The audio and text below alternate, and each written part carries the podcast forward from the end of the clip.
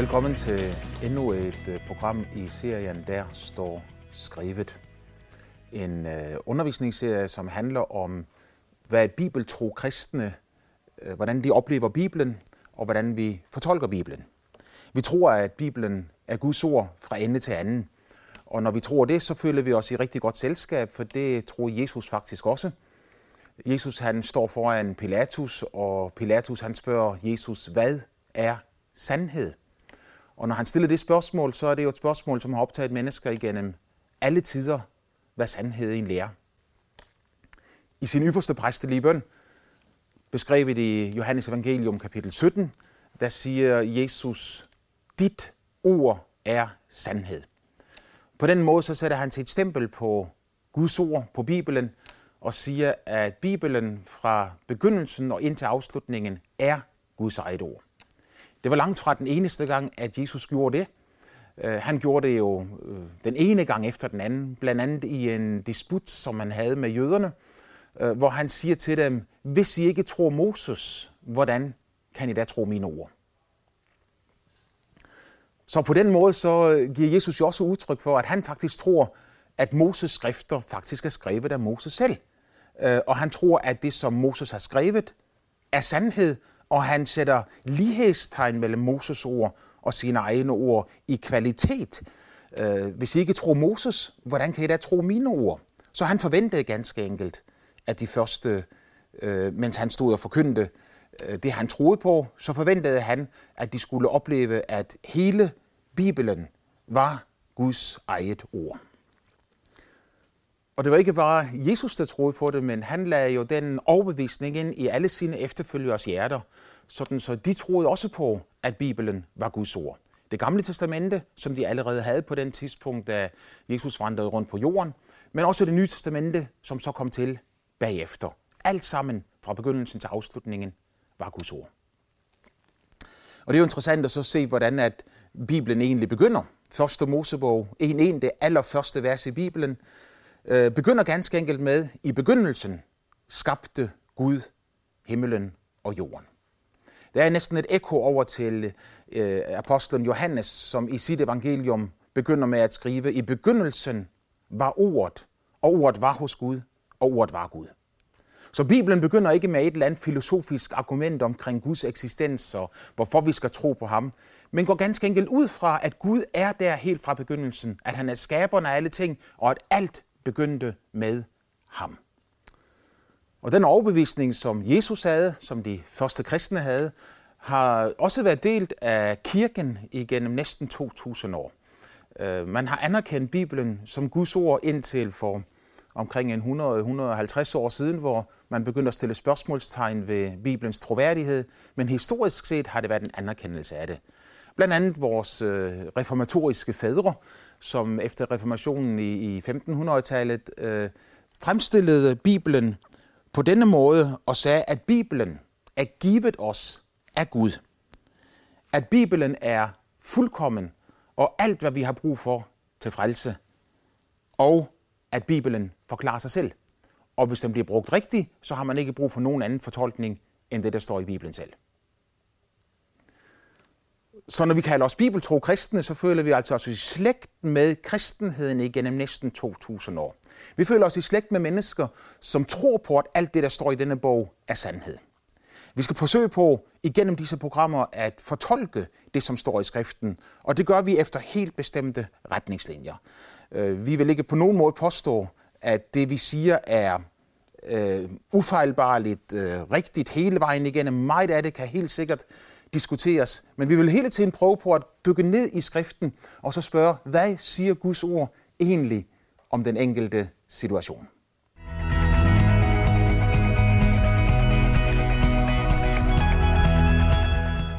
Så dermed har vi den præmisse, det udgangspunkt, at Bibelen ganske enkelt er Guds åbenbaring til mennesket. Den er altså ikke bare en tilfældig bog, øh, med en hel masse tilfældige citater, som er smidt sammen hulter til bulter. Men den har en hensigt, en mening og et indhold. Indholdet i Bibelen kan allerbedst beskrives på denne måde, at Bibelen fra 1. Mosebog til Johannes åbenbaring handler om Guds frelsesplan. Guds frelsesplan, Paulus nævner det i Efeserbrevet, når han siger, at han er blevet udkaldt til at være apostel, for at øh, beskrive og åbenbare, øh, fortælle om, hvad Guds frelsesplan er, den han fra evige tider siden øh, havde planlagt, øh, og som han så ved tidernes ende har åbenbart for os og givet os i evangeliet. At den er planlagt for evige tider siden, betyder jo, at før første Mosebog 1.1, altså før Bibelen begynder, er der også en historie. Og i den historie, øh, den kender vi kun glimtvis, og vi skal se lidt på nogle af de glimt, men øh, i den historie så ligger det, at Gud havde planlagt tiden, som kom bagefter. Bibelen bliver således en åbenbaring af Guds vilje og af Guds hensigt til mennesket. Selve ordet åbenbaring øh, tilkendegiver en overnaturlig kommunikation fra Gud og til mennesket. Når vi siger, at kommunikationen er overnaturlig, betyder det, at det ikke er menneskets hjerne, der lægger to og to sammen, men at der kommer en eller anden måde, hvorpå Gud kommunikerer med mennesket og lægger en vidshed ind i mennesket om et eller andet. Den overnaturlige kommunikation, øh, den skete, øh, når mennesker for eksempel fik syner, øh, de fik drømme, og så skrev de de syner, eller de drømme ned, de fik på et senere tidspunkt. Men den kom også sommetider ganske enkelt ved, ved indtryk, hvor et menneske bare fornemmede noget og skrev noter. de vidste egentlig ikke, hvad det var, de skrev. Øh, måske ikke engang, når de var færdige med at skrive det hele. For eksempel så siger Peter jo i sit brev, at når profeterne i gammel tid øh, profeterede om Jesus, Messias, om hans liv, om hans lidelse, om hans opstandelse og alt det, han skulle udrette, så forstod de ikke selv, hvad det var, de skrev. Men de skrev nogle ting ned, og så så de på det, løftede øjenbrynet og undrede sig, mens de øh, spurgte sig selv af, hvad i alverdens rige og lande kan det her betyde. Så åbenbaringen, den overnaturlige kommunikation fra Gud til mennesket, hvor mennesket begynder at beskrive Guds plan, fordi Gud vil, at mennesket skal kende til detaljerne i denne plan. En overnaturlig kommunikation, en overnaturlig åbenbaring, hvor Gud afslører sin vilje, sin plan og sin hensigt. Den lægger han så åben for os og siger, det menneske, som ønsker det, kan få lov til at grave ned i Bibelen og hente denne åbenbaring ud, sådan så vi kan begynde at forstå, hvad Gud vil med os.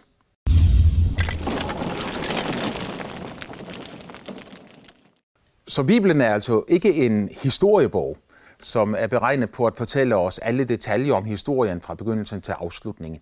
Den er ikke en videnskabsbog, som vil give os alle sandheder omkring øh, grundstoffer, sammensætning og, og universets udbredelse osv. Bibelen handler om mennesket. Bibelen fortæller os om, hvem Gud er, og Bibelen fortæller os om, hvad Gud vil med mennesket.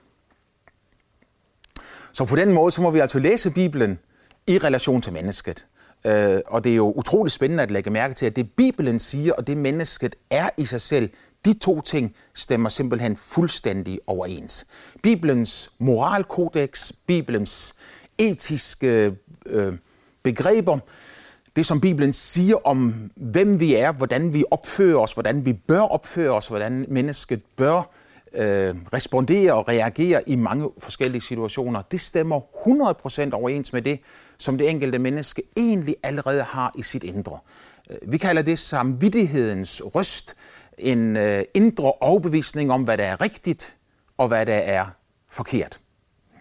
Og denne indre øh, samvittighedens røst er i udgangspunktet 100% enig med Bibelen. Det behøver den ikke at fortsætte med at være, men i udgangspunktet så er den det. For eksempel kan du dårligt finde et menneske, som vil synes, det er ok at gå rundt og slå på andre mennesker. Øh, men på et eller andet tidspunkt, så synes de måske alligevel, det er ok. Øh, måske fordi de selv er blevet slået på, måske fordi de selv er blevet misforstået eller misbrugt på den ene eller den anden måde. De gamle kinesere de havde et fantastisk billede på denne samvittighedens røst i menneskets indre. Øh, for de sagde, at samvittigheden, naturloven i menneskets indre, er som en skarp, ligesidet trekant med en, øh, en aksel lige i midten af trekanten, Og så siger de, at hver gang et menneske gør et eller andet forkert, så drejer denne trekant rundt inde i hjertet på mennesket. Fordi at øh, enderne på trekanten er knivskarpe, så hver gang den drejer rundt, så siger det au, au, au, au. Og det stikker indvendigt i mennesket. Det er forkert, det jeg gør. Det er forkert, det jeg gør. Det er forkert, det jeg gør. Men hvis mennesket så vælger at blive ved med at gøre det, der er forkert, så sagde de gamle kinesere, så drejer denne trekant rundt så meget og så hurtigt, at de skarpe spidser forsvinder og bliver runde. Så i stedet for en lige trekant, så får man en rund bold. Og når mennesket nu handler forkert, så snur den vel rundt, men det går ikke ondt længere.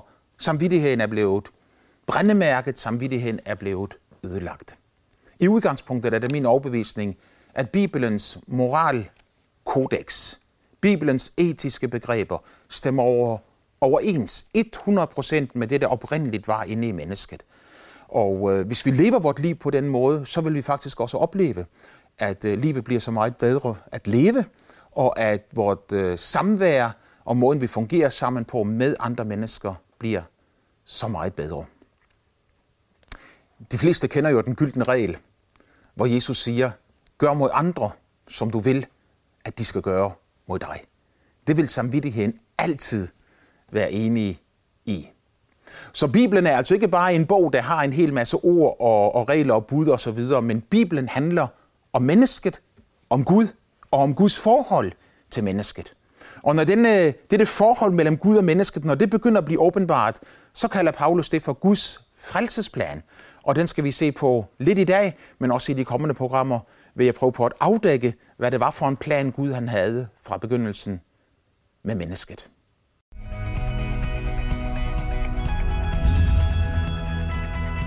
I begyndelsen skabte Gud himlen og jorden, universet, alt det vi kan se, og alt det vi ikke kan se, så langt og bredt som det er. Og selve naturen er et vidnesbyrd om Guds eksistens. Naturen giver os et billede af, at Gud er. Det er meget, meget vanskeligt for mig at øh, kunne forstå, hvordan nogle mennesker kan tro, at naturen kan skabe sig selv.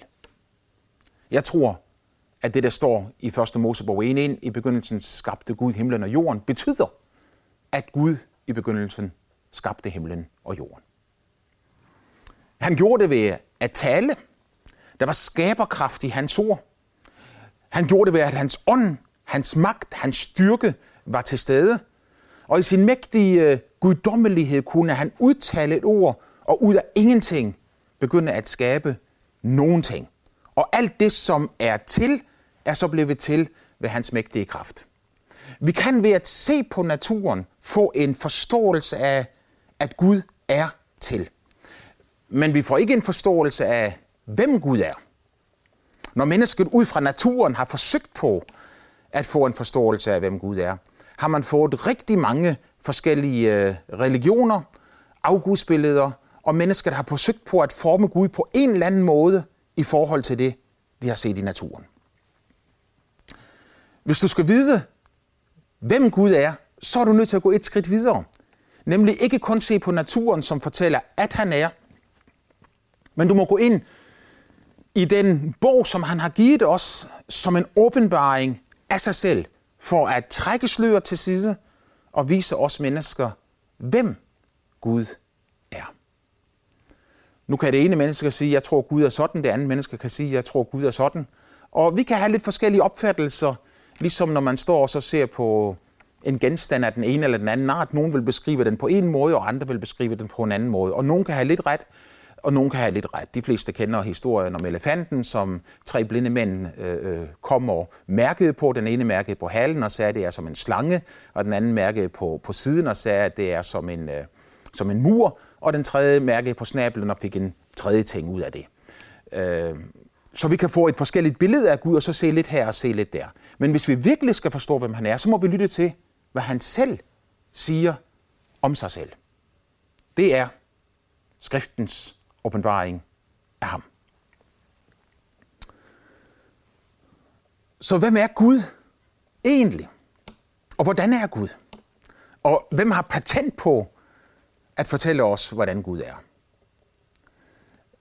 Hvis Bibelen er indåndet af Gud, hvis Bibelen er Guds åbenbaring af sig selv, hvis Bibelen er en bog, hvor Gud har sagt, jeg vil gerne vise mennesker, hvem jeg er, så har vi jo netop ved at læse Bibelen, grænske Bibelen, fortolke Bibelen, en enestående mulighed for at finde ud af, hvem vores skaber egentlig er, i stedet for bare at forme det alt sammen, sådan som vi nogle gange har lyst til. Det er ganske interessant, at når Bibelen siger, at da Gud skabte mennesket, så skabte han mennesket i sit billede. Som mand og kvinde skabte han dem. Mens alle andre væsener, Gud havde skabt, var et udtryk for hans kreativitet, hans lyst til at skabe noget, og hans storhed, og sommetider lidt humor i det også, når du ser på nogle af dyrene. Øh, så er mennesket kronen på skaberværket anderledes end alle andre skabninger. Fordi mennesket blev skabt i Guds eget billede. Og at mennesket blev skabt i Guds eget billede, må jo så betyde, at der ligger noget af Guds væsen, et afbillede af, hvem Gud egentlig er inde i os. Jeg har aldrig forstået det på den måde, og det kender jeg heller ikke nogen teologer, der nogensinde har gjort. Jeg har aldrig forstået det på den måde, at mennesket skabte i Guds billede, at det betyder, at Gud har et hoved og to arme og en krop. Men gudsbilledet er mere et indtryk, et, et udtryk øh, for det indre menneske, sjælen og ånden, det som er inde i mig. Mennesket har jo sin krop, som giver mig kontakt med verden omkring mig. Jeg har min sjæl, mine tanker, mine følelser og min vilje, som giver mig kontakt med mig selv. Og så har jeg min ånd, som netop giver mig kontakt med Gud. Og det er det indre menneske, som er skabt i Guds billede. Efter at Gud så har skabt mennesket i sit billede, har mennesket så begyndt at skabe Gud i sit billede. Findes et hav af gudebilleder, afgudsbilleder rundt om på jordkloden, hvor mennesker på den ene og den anden og den tredje måde har fantaseret og forestillet sig, hvordan den Gud er, som de inderst inde troede på, at de stammede fra. Når mennesket på den måde øh, prøver på at skabe Gud i sit eget billede og lave en, en figur af en slange eller en ørn eller et, et, et andet dyr eller et menneske for den sags skyld, og så kalde dem Odin og Thor og, og Osiris og hvad ved jeg, øh, hvor mange afguder der findes i verden, så er det mennesket, der forsøger på at tegne Gud i sit eget billede. Fordi Gud har givet os en åbenbaring i Bibelen, så har vi et eneste sted, hvor vi kan gå hen og så få faktuel, ægte, reel sandhed om, hvem han er. Det er bare super flot, at vi så kan diskutere, samtale, drøfte, for at finde ud af og grave ud af Bibelen, hvordan Gud egentlig er. Og det kan lade sig gøre, så længe man har sin grund og fundament netop i Bibelen og siger, at det, der står skrevet, er det, vi tror på, og det er det, vi bygger på. For eksempel havde jeg en samtale med en øh, kvinde her forleden dag, som øh, sagde til mig, at øh, Gud straffer jo ingen. Et fint billede, fordi Gud er kærlighed. Og så kommer tanken så selvfølgelig videre, at fordi Gud er kærlighed, så straffer han ingen. Jeg arresterer i tanken lidt, fordi der faktisk står i Bibelen, at Gud straffer alt ondt. I det øjeblik, man siger sådan noget, så vil nogle mennesker sige, åh, jeg vil ikke have noget med en ond Gud at gøre, der straffer. Så er vi nødt til at begynde med at definere, hvad mener vi egentlig, når vi siger straf? Mener vi et voldsmenneske, som går rundt og med frode om munden og slår omkring sig til højre og venstre og misbruger mennesker og ødelægger mennesker? Hvis det er det, du mener, så er jeg 100% enig. Gud straffer ikke. Men hvis vi være straf mener, at den aktuelle sag, som kører netop i Danmark lige nu, omkring Amagermanden, eller hvorfor ikke tage til Norge, Breivik-sagen, som slog dusinvis af uskyldige teenager ihjel på grund af en eller anden abnorm tankegang. Skal den slags mennesker straffes? Vi skal ikke hævne os på dem. Hævn er sådan en, noget rigtig vemmeligt noget, som kun efterlader ubehag hos de mennesker, som gør det. Den, som har forsøgt på at hævne sig på andre, vil opdage, har opdaget, at det han troede ville betyde, at nu får jeg fred, når jeg først har hævnet mig, aldrig nogensinde giver fred. Hævn er i min verden ikke det samme som straf. Hævn er ondt, ubarmhjertigt og vældig ofte urimeligt. Og det værste ved det hele, det er, at når man hævner sig, så ender man vældig ofte med at blive nøjagtig, sådan som det, man hader, er. Så man er vred på nogen, fordi de har gjort et eller andet, og så hævner man sig ved at gøre nøjagtigt det samme. Så når vi siger, at Gud straffer, så mener vi ikke dermed, at Gud er en hævnende Gud, men vi mener dermed, at Gud er en retfærdig Gud. Hvad vil du sige, hvis jeg sagde til dig, at dommeren straffer? Breivik, han blev taget på færre skærning. Han blev taget lige efter, at han havde gjort det. Øhm, ingen er i tvivl om, at han har gjort det. Han har også indrømmet det. Så nu er spørgsmålet bare, hvad gør vi, hvad gør vi så ved ham? Kærlighedens røst kunne sige, ej, vi gør som ingenting og glemmer det alt sammen. Jeg siger fint nok, men altså, du risikerer bare, at manden han gør det samme igen. Bortset fra selvfølgelig, at du har sagt til alle andre mennesker, som har en forskruet tankegang, at det er helt ok at gøre det, du har lyst til, uden at vise hensyn til nogen andre, fordi der er ingen konsekvenser. Et hvert samfund er opbygget med en lovmæssig grundvold. Og når dommeren så tager stilling til det, der er sket, så er det ikke, fordi vi skal hævne os på den slags mennesker, men så er det fordi, at hvis ting ikke har konsekvenser i livet, så øh, får vi et samfund, som jeg i hvert fald ikke har lyst til at leve i, og som jeg heller ikke har lyst til, at mine børn og børnebørn skal leve i. Så når vi siger, at når Bibelen siger, at Gud straffer, så viser den altså ikke en ond Gud. Tværtimod, den viser en god Gud. En Gud, som har så meget omsorg for mennesket, at han ikke bare vil lade det springe løs til højre og venstre. En Gud, som elsker og derfor straffer som en dommer, der afsiger en kendelse. Det er netop på grund af denne straf, at Gud har lavet en frelsesplan, for at ingen mennesker skulle gå fortabt, men at alle skulle få en anledning til at komme tilbage til ham. Og det er nøjagtigt, hvad Guds frelsesplan handler om.